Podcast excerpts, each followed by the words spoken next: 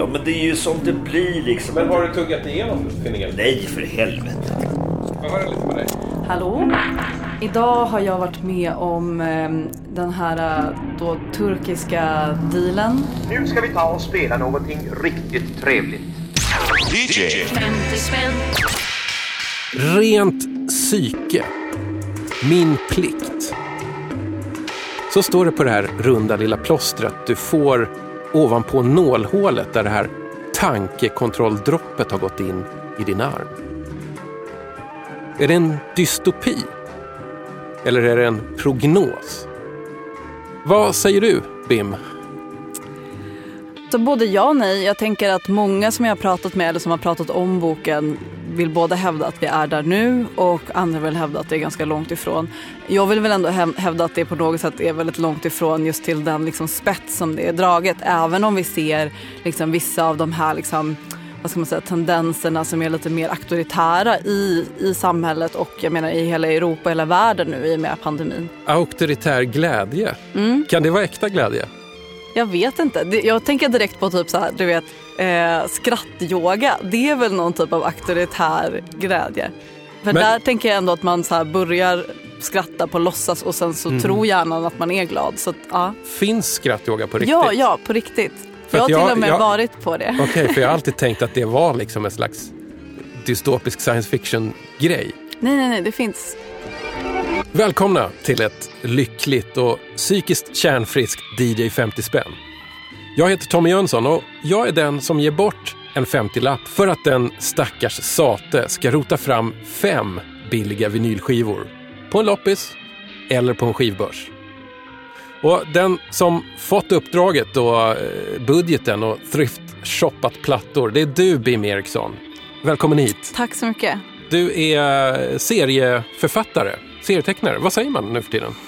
Jag har nog sagt serietecknare men sen har jag fått lite så här, eh, pisk på fingrarna från vissa så gamla rävar eh, för att eh, det, alltså I Sverige så är det vanligast att man både tecknar och skriver. Och i, liksom, om man tänker liksom, serietecknare i en mer internationell liksom, kontext så är ju serietecknaren den som bara tecknar. Eh, Medan det som de vill, eller det som jag börjat kalla mig nu, är väl serieskapare. När vi spelar in det här så har du eh, ganska nyligen släppt eh, en serieroman som heter Baby Blue. Eh, och det här är en dystopi som kanske inte ligger jättelångt in i framtiden. Det handlar om eh, Betty som lever i ett samhälle där det finns en eh, ganska strikt folkhälsomyndighet som har bestämt sig för att medicinera och censurera bort sånt som kan skapa psykisk ohälsa. Ja. Folk har helt enkelt i det här samhället du målar upp en plikt att vara eh, positiva. Eh, I, I serien så yttrade det sig som så att, eh, att man inte får visa allt för så här ohämmade känslor på offentlig plats. Eh, helst inte överhuvudtaget. Eh, sen är ju också eh, en viss typ av musik censurerad. Eh, och det blir också väldigt eh, relevant för det vi ska göra här idag. tänker jag. jag tänker direkt då att vissa hela genrer kommer behöva förbjudas. Ja. Det finns en scen i början när man typ tror att hon köper eh, knark av någon sån dealer. Eh, men sen så förstår man att hon har köpt en iPod med, som är laddad med då den här musiken som är förbjuden. Alltså det dyker upp en del musikreferenser i ditt album Baby Blue. Ett tips för dig som lyssnar om du inte har skaffat det, läs det.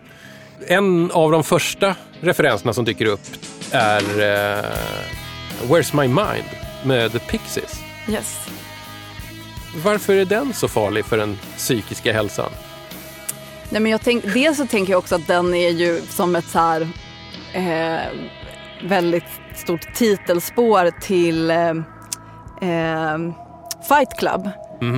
Eh, och den på något sätt, hela den filmen är ju, nu vill jag inte spoila om man inte har Det sett är en den. jättegammal film, så spoila på. Eh, nej men den ifrågasätter ju typ ett helt system. Ja. Så jag tror att det var därifrån jag fick det först. Men sen så frågade den ju så här, vad, liksom, where is my mind? Eh, så att jag tror därifrån så tog jag nog den. Men sen så just det här med så här godtyckligheten för en annan censurerad musik är ju eh, Total Eclipse. Som Det- de också dansar till. Det, det var jag också lite förvånad över. Mm. Vad är det som är så hemskt med den? Men det, det, med det sagt, alltså jag är väldigt dålig på att uppfatta sångtexter. Okej. Men- Så jag missar ofta väldigt mycket så centrala grejer i låtar. Alltså nu kommer vi in på ett annat spår, men jag tycker att det är så himla spännande med, jag har liksom en hobbyanalys att det här är så här en killgrej. Att inte uppfatta text i låtarna. Det kan mycket väl vara så. Fast det kommer motsägas av en av dina skivor senare. Alltså jag tror att så här, typ varenda så här, eh, liksom killkompis eller liksom partner eller snubbe som jag har liksom snackat musik med. Så här bara, men de sjunger ju det här. Eller så här, det här är svinspännande. Så har du tänkt på det här? Och de så här, mm du vet, jag, jag, är mer, jag är mer intresserad av liksom, Hur gitarrerna låter. mm, på liksom den här distade... Och man bara, jaha okej men så du, du säger att det här är din favorit. Hur, kan- hur, kan du inte, hur kan du inte ha uppfattat texten? Vad brukar du lyssna på för psykisk ohälsosam musik? Eh, ja du. Eh, Vad har du på din iPod? vad har jag på min iPod? Det är också så kul för när jag ritade den här, eh, jag hade min gamla iPod som, eh, som referens men jag har inte någon laddare till den så jag, det är som en tidskapsel som jag inte riktigt vet om jag vill ens få tillgång till för det kanske skulle kunna vara så himla himla pinsamt. Eh, jag tänker att jag lyssnar liksom mycket på jag tycker att det är svårt för att jag liksom lyssnar inte på en typ av artist. Jag lyssnar typ på en typ av så här ett mode typ. Det låter ju superflummigt. Alltså spellistorna jag har är inte typ så här fest. Eh, det, utan det är snarare som ett så här kartotek över olika typer av så här berättelser jag vill skriva. Eller liksom idéer till nya serieromaner. Och då kan det vara typ så här Hazel background story 1. Eh, Hazel är en, ehm, en karaktär i boken eh, som vi pratade om.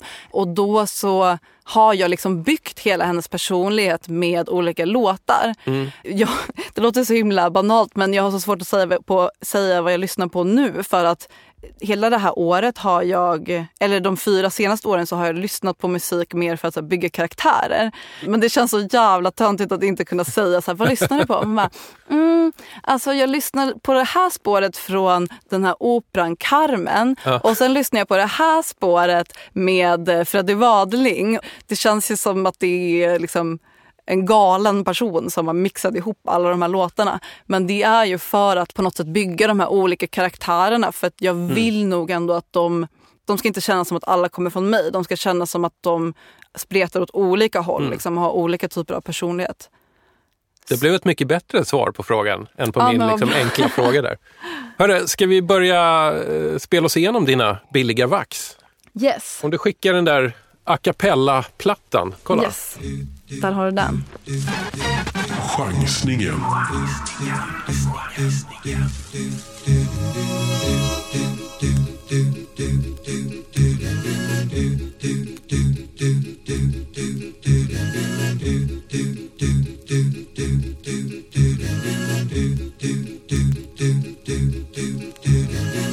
I can't seem to face up to the facts.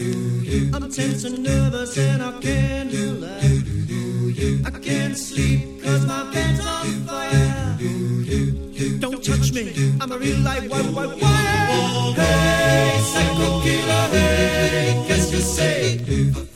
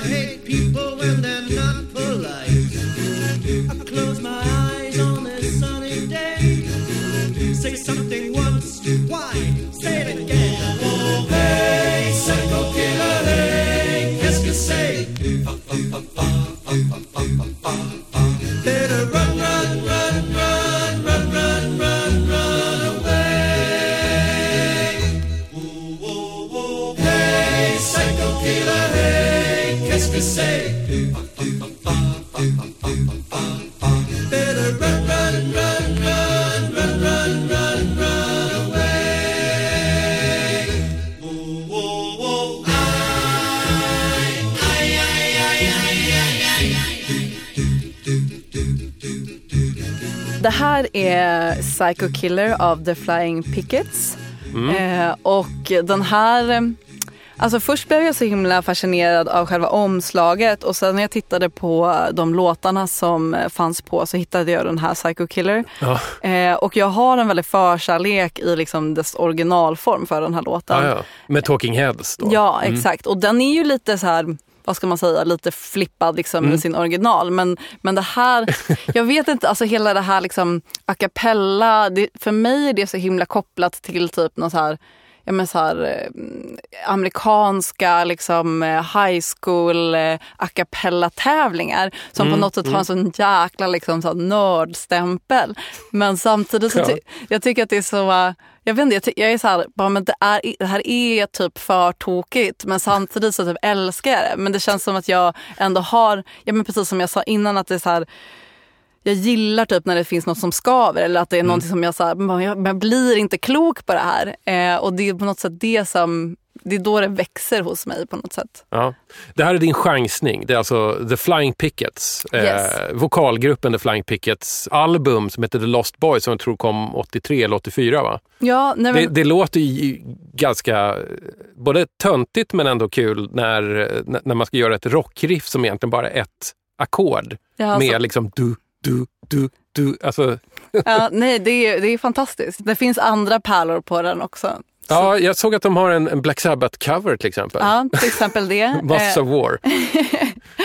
Nej, jag blev, så, jag blev jätteintresserad av de här och de har också väldigt mycket så roliga eh, live-spelningar. Det finns olika klipp på typ Youtube som man kan titta på som är alltså nästan lite Alltså inte kraftverk men de har ändå typ jobbat lite med den, alltså så att de står typ på varsin plattform och liksom sjunger och sen är det olika ljus och så. Fast det är liksom, om kraftverk är liksom lite så här häftigt så är det här liksom andra sidan av det.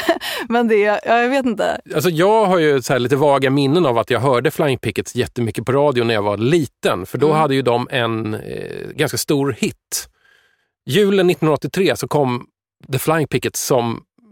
De kom från ingenstans och bara luftlandsattes på toppen av Englandslistan när de gjorde en cover på Yazoos gamla fina låt Only You. Yes. Blev nog större hit än vad Yazoos originalversion var. Mm. Sen vet du fan vad som hände med Flying Pickets. De släppte det här albumet, de har släppt fler skivor men det är som att ingen riktigt kände att det var liksom en långvarig relation som man hade till dem på det sättet. Man kanske tar det här liksom lite cringiga, så här, wow det här är så konstigt och sen så typ konsumerar man det och sen så när nästa album kommer så blir man kanske lite så här, "Uff, okej men nu kanske vi har fått nog. Typ. Men eh, om jag har fattat det rätt så är The Flying Pickets ganska många av eh, medlemmarna i gruppen, i alla fall i början, för de har bytt medlemmar många gånger. I början så verkar det som att ganska många av dem var skådisar. Så att de kanske, det här visuella som du beskriver, det kanske kom ganska naturligt för dem. Ja de känns väldigt teatrala. Det är också en väldigt röd grupp, alltså politiskt röd. Eh, själva namnet har någonting med någon form av strejkaktion att göra tror jag. Men det är ju väldigt mycket så här, estetiken känns ju väldigt så här rymdkapplöpningen alla Sovjet. Liksom. Ja men de, precis, de har något sånt på omslaget. Det är väl en Sputnik på omslaget, är det inte det? På jo framsidan. men jag tror det. Ja. Men jag vet att de också är röda på det sättet att de eh, stödde då de strejkande gruvarbetarna i den stora gruvstrejken i eh, Storbritannien. Mhm. Och enligt Wikipedia, jag vet inte hur vi ska värdera den källan, så var det flera skivbutiker som liksom vägrade sälja deras skivor. Då. Så Är det sant för att Ja. de då inte var med på den här gruvstrejken? nej, men de, de supportade alltså de strejkande gruvarbetarna. Precis, men Ja. skivbutikerna, de, vill liksom, Ja, eller de ja. kanske inte ville vara politiska. Ja, det kan ha varit så. Eller så var de kanske lite mer pro-Thatcher. Jag har ingen aning. Ja, jag gillar dem ju ännu mer nu. nu ska jag börja Ja. spela dem på alla fester. Har, har du någon sån här körbakgrund? Eh, nej, alltså vi är ju fem syskon och min liksom yngst, närmast i ålder bror, han, det var som att han valde musik och då fick inte jag, alltså då var det Mhm. liksom off limits för mig. Är det det som styrde in dig liksom på bildberättande? Ja men jag tror det. Det kanske är så sliding doors. Hade han börjat med bild så kanske jag hade hållit på med musik idag. Eh, vilket är helt sjukt att tänka på. Men för det är ju, musik är ju typ bland det absolut viktigaste för typ allt jag gör liksom yrkesmässigt. Alltså jag tror inte att jag skulle liksom kunna hitta inspiration till det jag gör om jag inte hade musiken Mm. på det här sättet. Menar du det alltså? Ja. Sk- Skulle du inte kunna skapa en serie utan att ha musik omkring det? Alltså för mig är det är därför, jag lyssnar ju väldigt mycket på texten. Har jag hört en låt typ tre gånger så kan jag i princip texten. Eh, men, och det är därför jag ty- kan tycka att det är jättekul att lyssna på så svensk rap. För att det är så jäkla mycket ord. Och det är lite svårare för mig att liksom hinna lära mig. Så jag kan lyssna på den flera gånger innan jag lär mig. Alltså jag tror nog jag skulle kunna göra serier men, men jag har alltid haft så här, så fort jag lyssnar på en låt så blir det som en liten musikvideo. Alltså en dröm skulle ju vara att liksom göra storyboard eller typ regissera musikvideos. Då skulle jag typ kunna få, få ihop det här med liksom berättandet och musiken. Typ. Jag plockar av The Flying Pickets från skivtallriken. Eh, och sen tänkte jag be dig om ditt nostalgiköp. Som faktiskt doftar lite fusk-country. Det kan man absolut säga. Nostalgiköpet.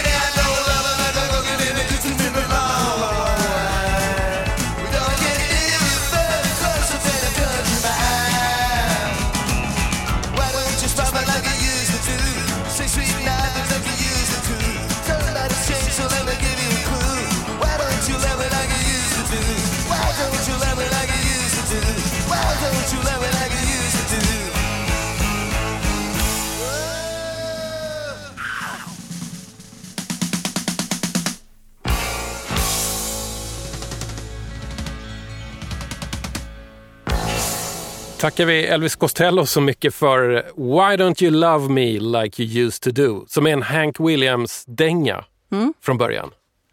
Det här är ditt nostalgiköp. Yes. Hur kommer det sig? Jag kanske mm, liksom famlar efter halmstrån men eh, jag blev ändå glad när jag liksom lyckades rycka ut den här skivan från, eh, eh, från hyllan. Alltså jag vet inte om jag har så stor relation till honom mer än till liksom populärkultur där han alltid frekvent har förekommit. Han har någon sån här konstig liten, han är en markör för någonting, men för vad? Alltså den relationen jag har till honom är att så här, alla, typ, om man tittar på mycket så här, amerikanska indiefilmer, då är det alltid någon så här töntig tjej eller kille som typ vill bli älskad och typ så här, sitter på sitt rum och typ tecknar serier eller lyssnar på så här. Det är alltid någon så här, bara, ah, så, här så vad gillar du för musik? Bara, ah, men jag lyssnar typ på så här gammal eh, Elvis Costello och, och de bara Ugh! Ja. Så det är typ den inramningen Ja. jag har och typ att han gjorde ledmotivet i Notting Hill. Det är liksom det. Just det. Eh, men jag tycker att det här är bra när jag lyssnar på Ja. det. Det var bra löd i den här. En riktig stomper med, med sånt här fylleristaktigt honky-tonk-piano som pumpade på allting. Men nu hur kommer det sig att du liksom valde Elvis Costellos countryplatta som han åkte till Nashville tror jag, 1981 och gjorde? Ja, det är en väldigt bra fråga. Men jag fastnade väldigt mycket för själva omslaget. Den heter ju Almost Blue, den här, eh, den här skivan. Nej, men jag vet, alltså, det är ju lite härligt med country. Det är ju svårt att liksom inte ryckas med i den här typen av musik, tycker jag. När den här skivan släpptes så satte en liten varningsdekal på omslaget. Och på den stod det så här. Warning, this album contains country and western music and may cause offense to narrow-minded listeners. Är det sant? Ja. Det är Det sitter inte på den här, men du har nog köpt den svenska pressen på det som kanske inte hade ett... eh, Som inte är lika lättkränkt. Då, Nej, jag, jag har ingen aning, men, men det känns ju lite som att kanske då, 1981, så kanske det var liksom jättekonstigt att en new wave-artist som Elvis Costello bara får för sig att nu ska jag göra min countryhyllning på en skiva. Ja, men han känns ju som att han alltid har gjort det han vill. Det känns också som att han har väldigt mycket humor i det han gör. Det tror jag. Alltså, helt ärligt så är Elvis Costello lite grann av ett vit fläck för mig. Han står nästan alltid på to-do-listan. Jag borde lyssna och förstå Elvis Costello. Okay, Sen så dyker det alltid upp någonting annat som jag prioriterar upp istället. Ja, Jag har fortfarande inte gjort min förstå Elvis Costello-grej. Däremot, det är ju någonting roligt med honom, bara på uppsynsnivå. Man gillar ju hans roliga tjocka brillor och någon liten hatt och lite ironisk min som man ofta har på något sätt. Ja, verkligen. Jag tror jag ser honom mer som typ en karaktär eller eller en seriefigur. För att jag tror att det finns, när jag försökte eh, liksom googla lite på honom inför det här så, så kom det upp typ en så här, jag tror att det var som en egen sida där det var så här överallt där han har nämnts i olika filmer eller citat eller liksom i musik eller i serier då. För det känns alltid som att han just i så här seriegenre eller serieadaptioner så är han alltid med. Han är liksom en referens Ja, som alltid finns i bakgrundsbruset på och något jag sätt. förstår inte varför. Nej. Varför tror du han ville göra en countryplatta? Jag vet, alltså, men är inte det också lite... Jag kan tänka mig som musiker, det beror på vad för typ av musiker man är, så finns det väl ändå någon sån här dragning till countryn på något sätt. Att just så här, åka typ till Nashville. Alltså det finns någonting så här gemytligt och lite så här drömskt och romantiserande över det. Men, Ja, men säkert. vad tror du? Ja, antingen det, eh, eller om jag ska vara liksom superkritisk och misstänkliggöra honom, så kanske han skulle visa hur otroligt så här, broad-minded, hur oerhört öppensinnad han var. Eller att han bara skulle visa upp sin goda smak. För om man kollar på låtarna som man gör på den här skivan så är det ju covers eh, på tunga countrynamn som Hank Williams, det var det vi hörde här. George Jones, Charlie Rich, Merle Haggard, Graham Parsons. Tunga namn allihopa. Man kan ju för sig också fråga, var är brudarna Elvis? Men eh, ja, Ja. men var det, liksom, var det häftigt att göra det när han gjorde det här? Då? nej, jag har en känsla av att det kanske inte var det. Då tänker jag att det ändå går emot att han ville liksom visa upp någon bredd. Men ja, Det som jag satt och funderade på här medan vi eh, lyssnade på den här och när jag begrundade liksom vilka låtar han hade tagit på den här plattan och country i stort. Eh, hur skulle det här tvångspositiva samhället i Baby Blue ställa sig till genren country? nu tänker jag medan jag pratar. Men, Du provpratar som jag det heter. provpratar, precis. Nej, men jag tänker att country skulle väl kunna vara, för vi pratade lite innan om att, eh, att country kan ha ganska så sorgliga, djupa, hemska texter men liksom är förklätt till det här liksom, glättiga och härliga. Och jag vet inte, det kanske skulle vara den musiken som eh, slipprar igenom statens eh, liksom, censurfilter. Vad tänker du? Nej, men jag, jag, det är mycket country som handlar om misslyckanden. Eller så här, det kan vara skilsmässor, alkoholism. Allt det här kan man alltid lassa in i en countrytext på något sätt. Och sen råkade jag hitta en, en vetenskaplig studie.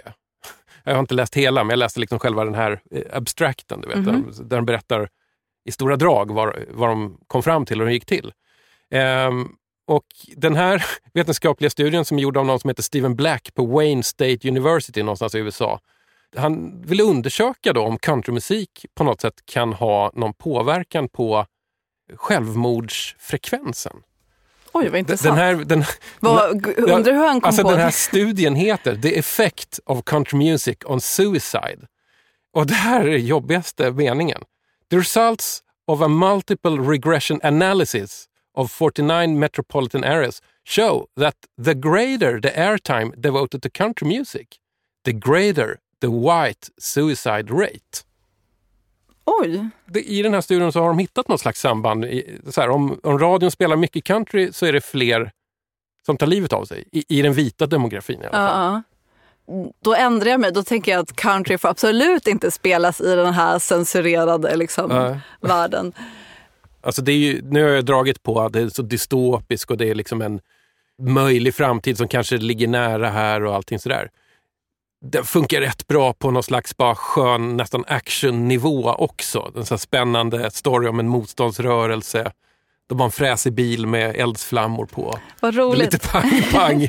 Ja, men, ver- men jag blir jätteglad att du säger det för att jag tänker ju också att det absolut är en rolig bok. Att så här, Det snarare är saker som kanske är jobbigt eller som folk tycker är jobbigt och sen har jag liksom dra, alltså jag, att det är nästan lite satir också.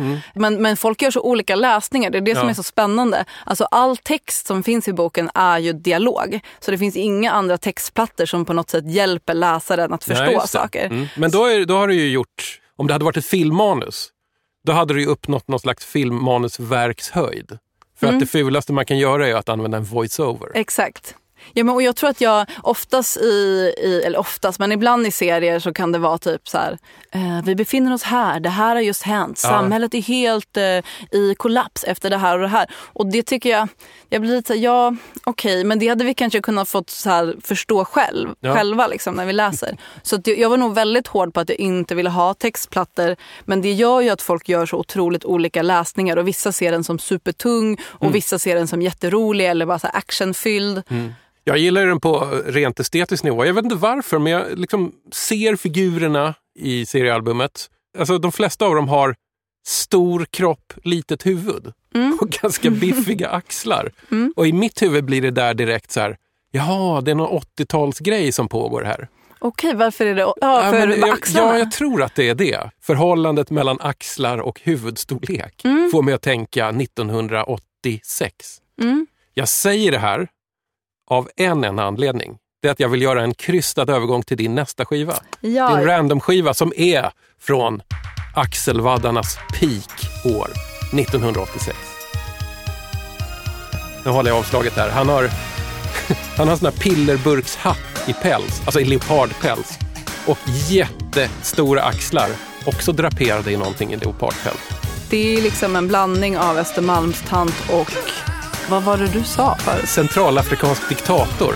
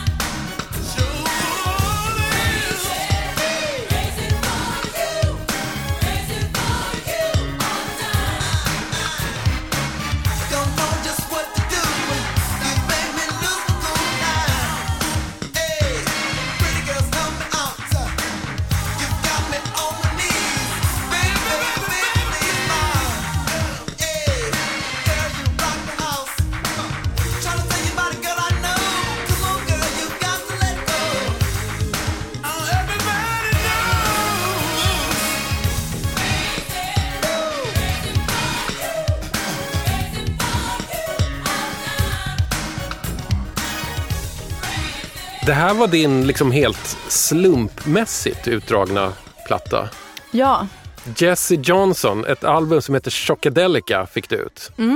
Vad tänkte du då? Jag blev nog ändå positivt överraskad för jag hade stått och dragit ut massa när jag liksom letade efter de här andra liksom kategorierna då som du om, ombad mig att komma hit med. Men med den här då var jag såhär, okej nu, nu är det den här random, då får det liksom vara random på riktigt. Eh, och då kände jag mig ändå så, alltså för den omslaget är väldigt så här tonat i rosa och vi har ju precis pratat om hela hans liksom Ja. utstyrsel på det här omslaget. Så jag blev ändå så här, fan det här eh, är inte jättedåligt. Nej, det fick ju ändå någon slags Minneapolis funk här. Alltså det kanske inte är liksom min go-to-musik men det är ju absolut på liksom övre skalan i att bara slumpa fram någonting tycker jag. Vi spelade ett spår som heter Crazy. Alltså crazy med en AI på slutet. Och här har Jesse Johnson även då lurat in Sly Stone på ett hörn. Jag vet inte om det hörs. Mest av allt så låter det här ju mest som att det är en artist som befinner sig i närheten av Prince. Och det har ju Jesse Johnson gjort. Han var med i ett funkband som hette The Time. Det är ju liksom lite grann Prince skapelse om jag minns det rätt. Ja. Sen vet jag inte, någonstans har de gått skilda vägar och här är Jesse Johnson eh, solo som han gick någon gång i mitten på 80-talet. Det låter liksom kapow om den här musiken. De har liksom maxat varenda effekt. Det är så mycket trummaskiner och plastiga syntar så att man, man får ju nästan en sockerchock. Ja, verkligen. Men det får man också av själva omslaget så de har ju verkligen lyckats så. Ja. Det är roligt att kolla på omslaget. Man ser alla andra inblandade musiker på små porträttfoton på baksidan och då Just ser det. alla ut som varianter av Prince. Verkligen. Drar man ut inneromslaget så är det också så listat då vilka som är med på skivan och spelar och då står det också vilka stjärntecken de är. Vilket det ofta gör på funk, soul och discoplattor. I alla fall gjorde det på 70-talet. Men Jesse Johnson kanske ändå trodde lite grann på horoskop. Men det känns ju väldigt modernt, alltså väldigt nutida Stockholm att liksom ha sitt stjärntecken liksom vid sitt namn. V- vad, vad har du för stjärntecken? Jag är stenbock. Vad innebär det? Eh, det innebär, på alla så stereotypa liksom, eh, stjärnteckensidor så står det att man är eh, extremt kall, man är, eh, man är beredd att kliva över lik för att nå framgång. Så pass, det här låter inte som det trevliga stjärntecknet. Nej, jag tror att det här är liksom det mest liksom missförstådda stjärntecknet tror jag. Eh, men jag kan ju ändå se liksom saker som jag, alltså att man vill att saker ska gå rätt till och man har höga, eh, höga förväntningar på andra och kanske framförallt på sig själv och liksom sådana saker. Vad är du för stjärntecken? Eh, jag, vad, vad är jag för stjärntecken? Jag är eh, född i skyttens tecken. Är det då, gud vad vi, eh, Vi är så dåliga på det här. vittnar om att vi, vi är så ute i liksom dagens Ja. Stockholm. Eh, men, Men det är för, jag gillar ju inte new age. Eller så här, jag gillar new age på lite distans. Då kan jag tycka att det är lite roligt. Och jag räknar Mm. in ändå horoskop där. Det kändes som att horoskop var liksom himla inne typ här på 90-talet också. Nu har det liksom kommit igen med liksom allt annat som varit 90-tal. Eh, men det var så kul för eh, det finns en butik som heter typ Kristallrummet som ligger vid, nära Mosebacke.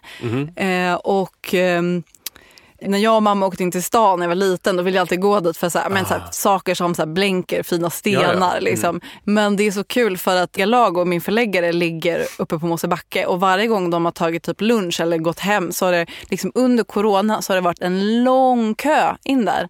Eh, varje dag.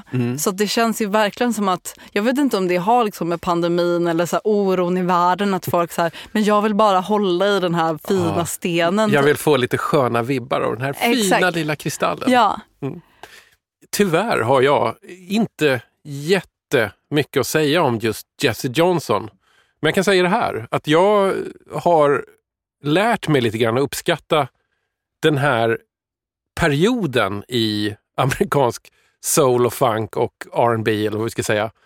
Som är liksom efter att Prince har blivit enorm, men innan liksom 90-talet och den här hiphop-influensen har blivit allt för stor. Då, då finns det som en liten parentes i soul och funk-historien där det är väldigt liksom, det är så här hittigt, syntigt, fullt med trummaskiner och rent estetiskt så är det så härligt. Det är mycket så här uniformsliknande jackor med jättebreda axlar. Det är jerry curls.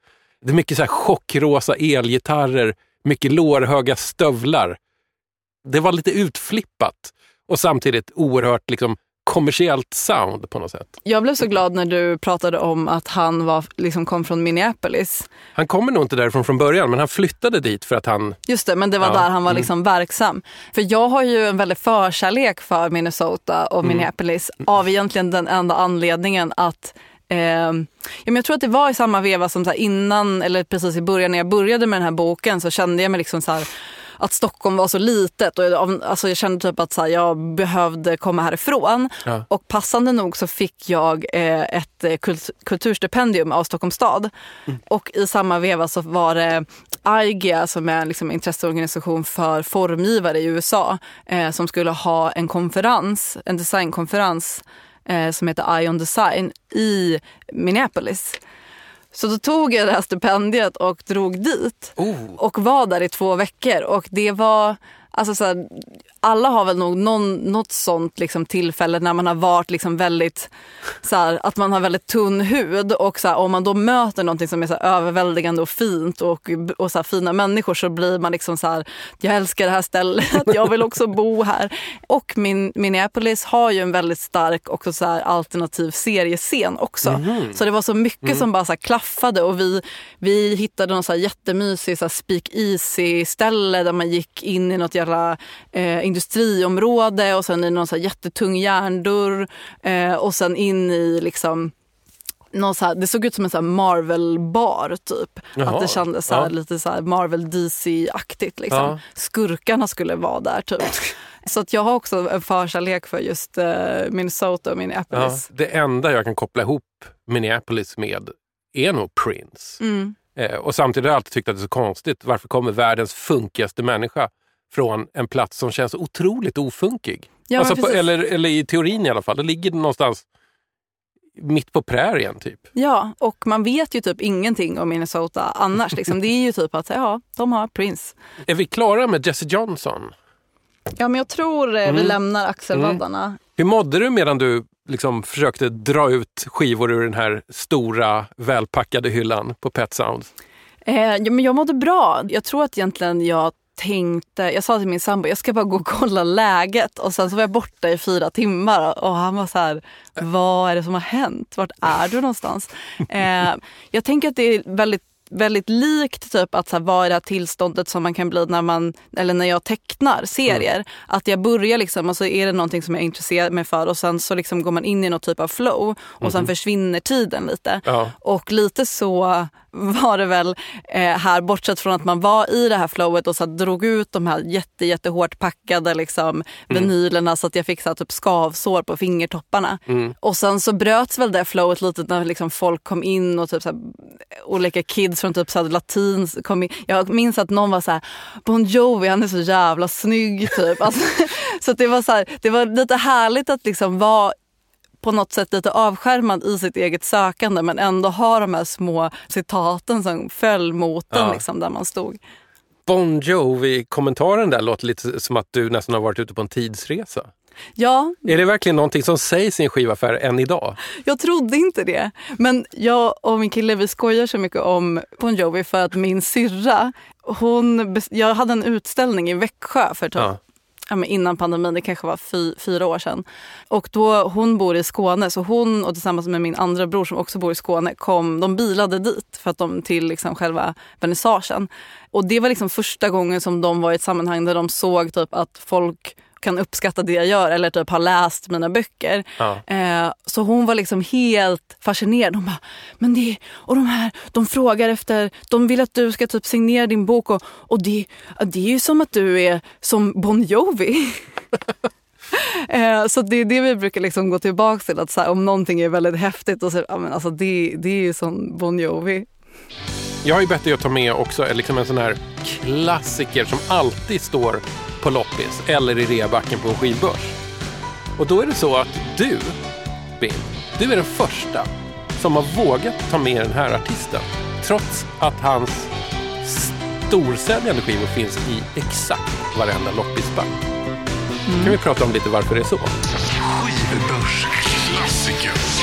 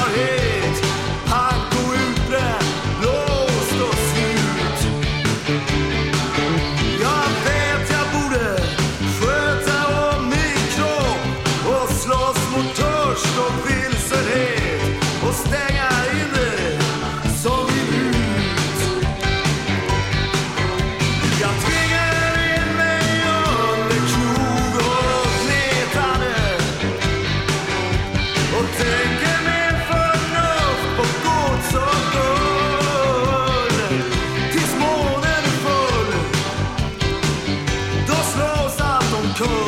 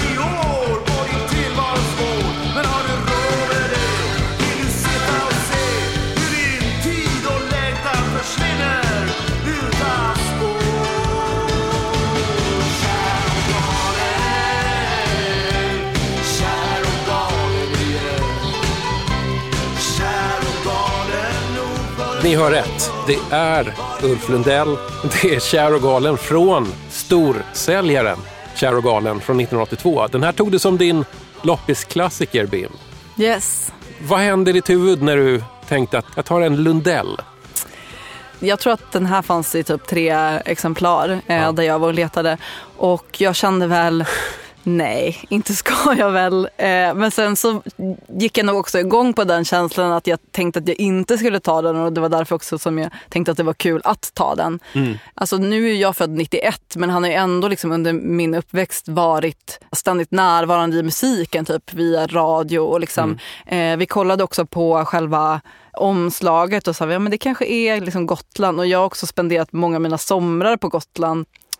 Jag vet inte, alltså typ det Sverige som liksom porträtteras på något sätt i det här albumet kändes väldigt koncentrerat just till Gotland och sommaren. Typ. Mm, men det är nog ett sommaralbum. Jag tror att det är en av anledningarna till att den här skivan blev enorm. För det här Ja. är ju hans folkkära skiva. Han hade varit ganska stor innan, men här blir han enorm. Så stor att folk på fullaste allvar på den här tiden kunde framföra åsikten att vi borde byta nationalsång. Vi slänger ut Du gamla, du fria och vi tar Öppna landskap Ja istället. men just det, det har jag nog hört. Ja. Eh, och jag tror att Ulf Lundell själv skruvade nog på sig en hel del. Att det här var lite jobbigt. Så här. Det var inte så han hade tänkt när han Nej. skrev den här lilla mysiga låten. Gud vad intressant att se det från liksom Ulf Lundells perspektiv. för att jag tänker att man alltid bara tänker på honom liksom utifrån. Han måste vara väldigt trött på Ja. den låten. Vad är din ingång annars på Ulf Lundell? Ja, alltså jag tänker min generation har väl liksom en bild av honom att han är liksom någon slags ärkegubbe på något sätt. Men nu i någon typ av så här bokbransch Ja. eh, eh, Stockholm så är han ju liksom på något sätt ständigt närvarande i litteraturen istället Ja. med sina dagböcker. Och även i liksom andras eh, liksom litterära dagböcker också. Typ. Jag läste Åsa Linderborgs eh, dagbok Året med 13 månader. Mhm. Och där skriver hon också någon recension om vardagar, om det är tre eller någon, någon av dem. Och då blir han så glad att han liksom skickar en tavla till henne tror jag. Det var som fan. Gud Ja. vad han strösslar tavlor omkring Ja, sig. ja jag har, du har ju också en tavelhistoria. Ja, alltså senaste gången jag på riktigt satte på mig rockjournalisthatten och åkte ut i fält så åkte jag ner till Ulf Lundell. Det här var 2018 tror jag, när första vardagar var på väg ut. Mm. Då skrev jag för en pytteliten tidning som inte finns längre som hette Sex, en intervjutidning. Startad av Ike Johannesson och Veide Gustafsson och lite, en lite så halvalternativ tidning. Men på något sätt så fick vi den enda längre intervjun med Ulf Lundell det året. Han var, han var ganska mediaskygg i största allmänhet. Det blev en jättekonstig intervju för att dels så hade han precis nyss skilt sig från sin dåvarande fru, tror jag. Som han fortfarande har ett galleri ihop med. Eh, han hade brutit benet strax innan så han hade liksom varit stillasittande i någon månad. Eh, och det var nog inge, ingen dröm. Så drack han vin under intervjun och för att göra en lång historia kort så var det så att intervjun gick liksom... Det var svårare och svårare för mig som reporter att få svar på några som helst frågor. Eh, och jag fick liksom till slut bara ge upp och åka därifrån. Men då hade han prackat på mig en tavla. Den här ska du ha. Och så sa jag att "Men jag är här i, i tjänsten, jag kan inte ta emot någonting. Det är, herregud, så här, det är, var inte löjlig nu, sa han med en yxa i handen. Faktiskt. Av den anledningen att han hade petat ner tavlan med den här yxan. Ja, den hängde högt. Så, med yxskaftet. Han, han, han använde inte till att hota med, det ska jag poängtera. Men i alla fall, jag vågade inte riktigt käfta emot och säga bara okej, jag tar väl tavlan. Så jag åkte därifrån med en tavla som jag sen inte vågade hänga upp på väggen för jag tyckte att det var lite skumt sätt som jag hade fått den. Och sen gick det något år och så kom nästa vardagarbok av Ulf Lundell och då skriver han någonstans att han misstänker att någon har gått in i hans ateljé och snott en tavla. Och då tänkte jag, "Och undrar om det är den som jag fick med mig. Han glömde att han gav den till mig. Så, ah, så gick det ett år till, så kom nästa bok, Vardagar 3, och det är samma grej. Och då beskriver han också tavlan. Alltså han misstänker att det har varit tjuvar som har gått in i ateljén där det är ett larm som inte funkar. det var Och bra så att han skrev det i beskriver den här tavlan att det är, det, det är som en horisontlinje. Man ser ett eh, par som står och håller om varandra och kollar mot horisonten. Och bakom horisonten så kommer det upp en stor kaninfigur. Det är så, som en gud. Och då skrev jag ett brev. Så här, Och då förstod du att det var förstod den jag att det tavlan. var exakt den tavlan. Så jag skrev ett brev. jag har den här tavlan, du kanske har glömt att du gav bort den till mig. Säg till om du vill ha tillbaka den. Och då fick jag ett sms där han bara skrev så här, behåll tavlan du. Det är skönt att veta att ingen har snott den. Mm. Efter det vågade jag hänga upp den på väggen. Men jag får känslan av att den inte är färdigmålad. Att, det, att han Nej. hade liksom sparat, han tänkte skulle kladda på någonting mer. Men jag, jag vet inte, jag har inte haft någon mer kontakt än så jag har ingen aning. Nej, och det känns väl lite, eh, inte så här, ska du inte komma och lägga final touch? Men det är ju en otrolig berättelse. På något sätt gillar jag det här att, att det finns någonting Ja, men det är som att han, han strör ut de Ja. här på något sätt. Jag tror till och med att hon skrev så här, eh, svarade honom att men nu vet du att jag aldrig kan skriva någonting eller recensera dina böcker igen. Det kanske var det som var tanken. ja, kanske.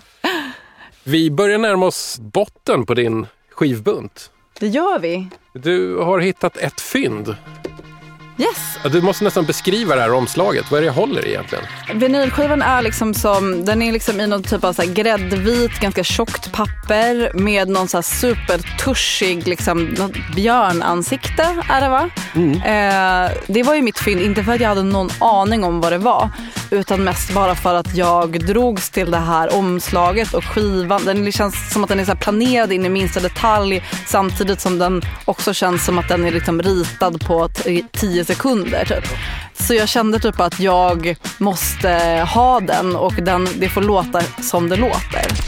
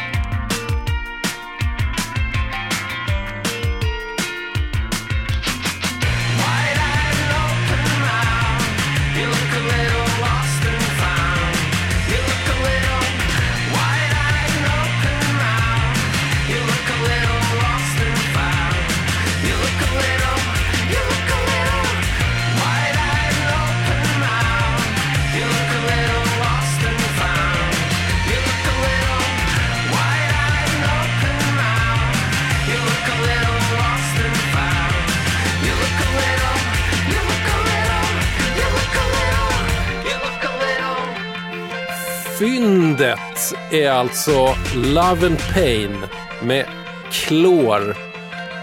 C-L-O-R. Det här är ett band jag aldrig hört talas om tror jag. Nej, inte jag heller. Och väldigt få verkar ha hört talas om det. Ja. L- Lite så här Lost in the blåst band kanske.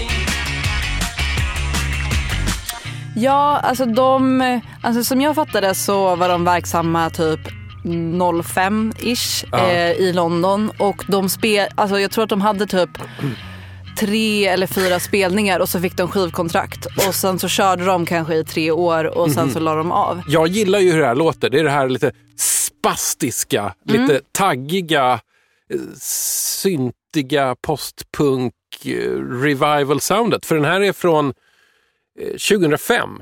Allting är ju relativt här i världen, men i DJ 50 spänn sammanhang så är det här att klassa som busfärskt. Ja. Även om det är 15 år gammalt. Varför är det ett fynd? alltså, eh, själva omslaget, där står ju inte själva bandnamnet utan det står på ett litet klistermärke som typ är lite så här skamfilat. Och Ah. På något sätt, jag hittade inte vad, så jag kunde liksom inte lyssna. Alla andra kan man ju fuska och liksom lyssna lite via Spotify. Just det. Eh, men det här var så här, jag har ingen aning om vad det här är. Och, Mm. Men jag kände nog för att jag, liksom, jag fäste mig så mycket vid själva omslaget och hela liksom, estetiken att jag var så här, det får bära eller brista. Men jag blev ju väldigt positivt överraskad och det var ju bara ännu roligare för då kändes det ju ännu mer som ett fynd. Mm. Eh, och speciellt eftersom typ ingen verkar veta vad det här är för band så är det ju ännu mer ett fynd. Nej, ja, jag försökte läsa lite om det, men det, det är ganska tunt med info. Någon Ja. i bandet har gått vidare och blivit anlitad som producent ganska ofta, verkar det som. Ja, men, Band som så här Foles och sådär. Så det är fortfarande i någon slags ändå nischgenre vi snackar ja, här. verkligen. Men det här är ju lite soundet av tidigt 00-tal. Det dök upp mycket sånt här ett tag. Ja, jag vet att jag var utomlands med min familj och då fanns det typ, hittade jag någon så här någon CD-skiva, någon så piratkopia av så Arctic Monkeys första album och jag minns att jag eh, blev helt hooked på det. Och liksom jag tänk, det är inte riktigt samma men det är lite besläktat. Lite tidigare här så snackade vi lite grann om så playlists som du gör. Eh, lite som någon slags underlag för om du skapar en berättelse. Kanske att en karaktär får en playlist för sin backstory eller liknande. Sån här musik, i vilken typ av sån skapar playlist skulle det hamna i? Alltså jag tänker om jag skulle bygga en karaktär på den här musiken tänker jag att det skulle vara en ganska så här färgstark men kanske lite nyckfull person. eh, som är kanske väldigt rolig att ha i sin närhet men kanske också kan vara lite intensiv. Typ. Lite jobbig, Lite jobbig på sina ställen ibland. lite too much. Ja. Hur mycket liksom kan musiken påverka eh, berättelsen eller bilderna eller karaktärerna? Alltså jättemycket. För mig är det... Jag vet under, under pandemin då, jag har annars en ateljé som ligger på färgkontoret i Liljeholmen, nära färgfabriken.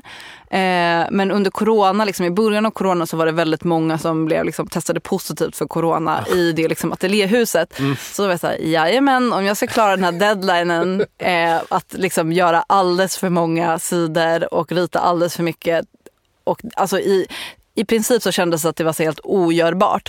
Men jag var så här, om jag på något sätt ska kunna hinna med det här så får jag absolut inte bli sjuk. Eh, så då tog jag liksom all, allt mitt material och liksom barrikaderade mig på köksbordet hemma. Ja. Eh, och då så... um, Alltså det, det är jättesvårt att liksom skapa någonting när man liksom aldrig får några intryck. Typ.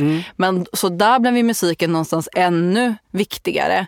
Och jag hade någon så här typ regel att jag gick upp kanske vid 8-9, typ skissade, ritade, skrev eh, vid lunch för att här, få liksom no- några av de här soltimmarna som var. Så eh, gick jag liksom ut, jag tror, jag tror jag gick typ en timme och bara lyssnat på musik. Och så här, innan kunde det vara så att jag var så här, nej men jag har ingen aning om vad den här personen ska säga, jag har ingen aning hur jag ska ta den här personen från den här platsen till den här platsen, vilket jag måste för att annars kan inte berättelsen fortlöpa. Men alltså jag, varje gång eh, när jag hade gått en timme lyssnat på liksom, antingen så här förutbestämd musik eller så här random musik eh, så hade jag typ alltid den övergången. Eh, så till slut kändes det liksom skönt att, man kunde, att jag kunde så här, eh, luta mig tillbaka lite och låta det liksom hända. Ja. Men jag vet inte om jag har så väldigt bra så här associationsförmåga eller så här väldigt livlig fantasi. Men jag tycker alltid typ att musik, speciellt när det är musik som typ skaver på ett eller annat sätt som jag pratat om tidigare, att den eh, tar den någonstans. Eh, att man kan liksom resa väldigt mycket med musik också. Till exempel är det en scen, eller det är flera scener som utspelar sig på klubb till exempel. Och då att, så här, att kunna färdas till att vara i typ en replokal eh, i liksom eh, London, tidigt 00-tal. Alltså, så här, det ger en ju andra förutsättningar att börja skapa därifrån istället. Liksom. Finns det någon typ av musik som kan sabba Det som kan sabba kanske är liksom allt för typ fin musik. Alltså om man säger så här stora så här, smäktande ballader eh, kan ju vara jättehärligt men jag tror att det blir Alltså det blir så här, ja det är härligt men, men det är liksom, jag känner inte så mycket mer för det. Eh, det liksom tar mig inte någonstans, eller det tar mig inte till något så ställe som är intressant där jag vill så börja gräva typ. Förstår du vad jag menar? Ja, jag tror det. Jag tror det. Jag har Eh. också ett problem med om musiken är för vacker. Men jag tror jag har det i det mesta, alltså så här, saker som är så himla, alltså tänk typ en tavla eller liksom en berättelse som bara är så här feel alltså så här, det, det känns inte som att det ger mig någonting. Bim, vi är nästan klara, men jag bad dig ta med en livlina också. Den har vi här. Du tar alltså fram The Velvet Underground och Nico. Eller säger man Nico? Jag tror man säger Nico, eller jag har sagt Ja, det jag i har alla också fall. sagt det. det. Det är det tyska, eller hur? Ja, Here she comes. You better watch your step. She's gone to break your heart in two.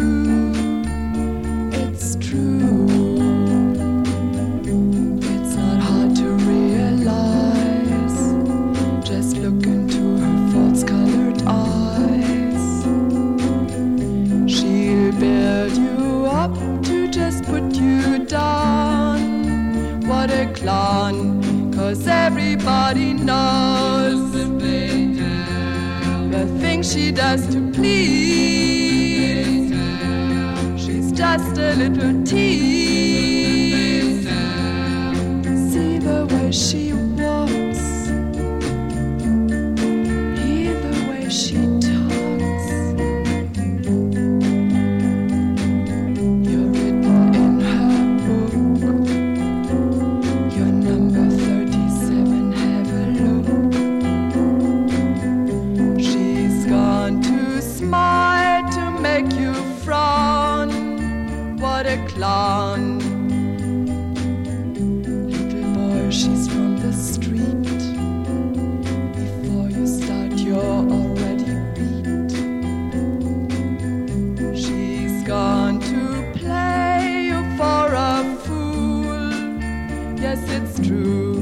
cause everybody knows the things she does to please. She's just a little tease.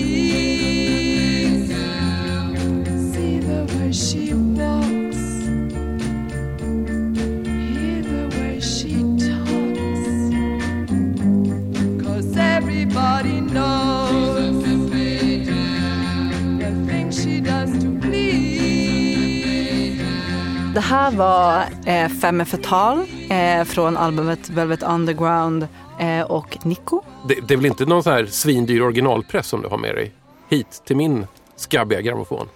Min första version, eller original kanske inte, det är nej, inte nej, nej, första. det här, det här är väl en ny press ändå? Ja, ja, ja. Inte, inte, nej, nej, nej. Eh, men, men om man jämför med första gången jag köpte Velvet Underground, eh, Mhm. den här skivan, eh, var på en så smutsig marknad i Camden Market i London.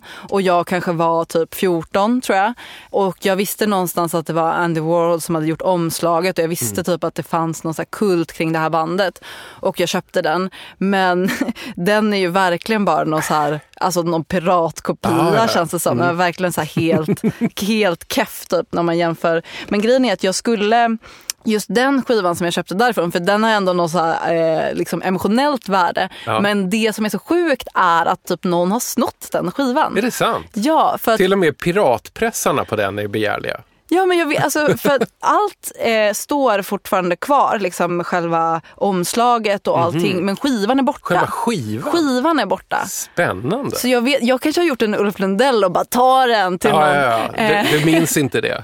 Men det känns så konstigt om någon bara skulle ha tagit bara själva skivan. Men har du verkligen sökt igenom alla andra skivorna? Tänk om den står instucken i en annan av misstag. det kan den ju göra. Men jag har försökt leta men Det- inte hittat den. Det är bra att leta lite för att jag gick igenom en, en loppisskörd alldeles nyligen och då är instucken som en extra skiva i någon sån här helt bara random easy listening skiva som jag hade köpt. Så drog jag ut då, så var det liksom själva skivan och innepåsen av eh, Ebba Gröns platta. Den med 800 grader Ja. och du vet. Det var ju verkligen Ja, så det, det var en liten bonus. Ja. Så då tänkte jag att då- där gick jag ju plus. Det är tråkigt att inte ha omslaget men sånt kan ju hända. men ja, undrar vart den är. Vad händer med dig när du lyssnar på den här skivan? Den här skivan har liksom kommit, kommit tillbaks till mig i så många olika skeden. För att dels så hittade jag den på den här marknaden i London. Och sen så studerade jag på en skola eh, i Danmark, i Holbæk, Ja. på Konsthögskolan. Och då läste jag bland annat serieteckning och måleri och typ performancekonst. Oj! Men det var, alltså det kändes typ som att det var en sån himla kontrast jämfört med Sverige för att här kändes det som att allting skulle vara så korrekt och att det skulle, allt hade sin plats. Medan det är så konstigt med Danmark för det är så himla nära. Men allt är så himla annorlunda på något sätt. Och den här skolan var liksom, alltså jag kommer ihåg typ att eh, arkitekturläraren typ sålde hasch till oss. Eh, Danmark. Nej, men, och sen så hade vi också någon så här målerilärare och sen en så här videokonstlärare. Och de hatade varandra så mycket att de inte kunde undervisa under samma period på skolan för de hade typ försökt döda varandra en gång. Eh, och, och det ska sägas att i måleristudion så hade vi en liten bandspelare och så hade vi typ tre skivor och det här var en av de skivorna fast då på CD. Liksom.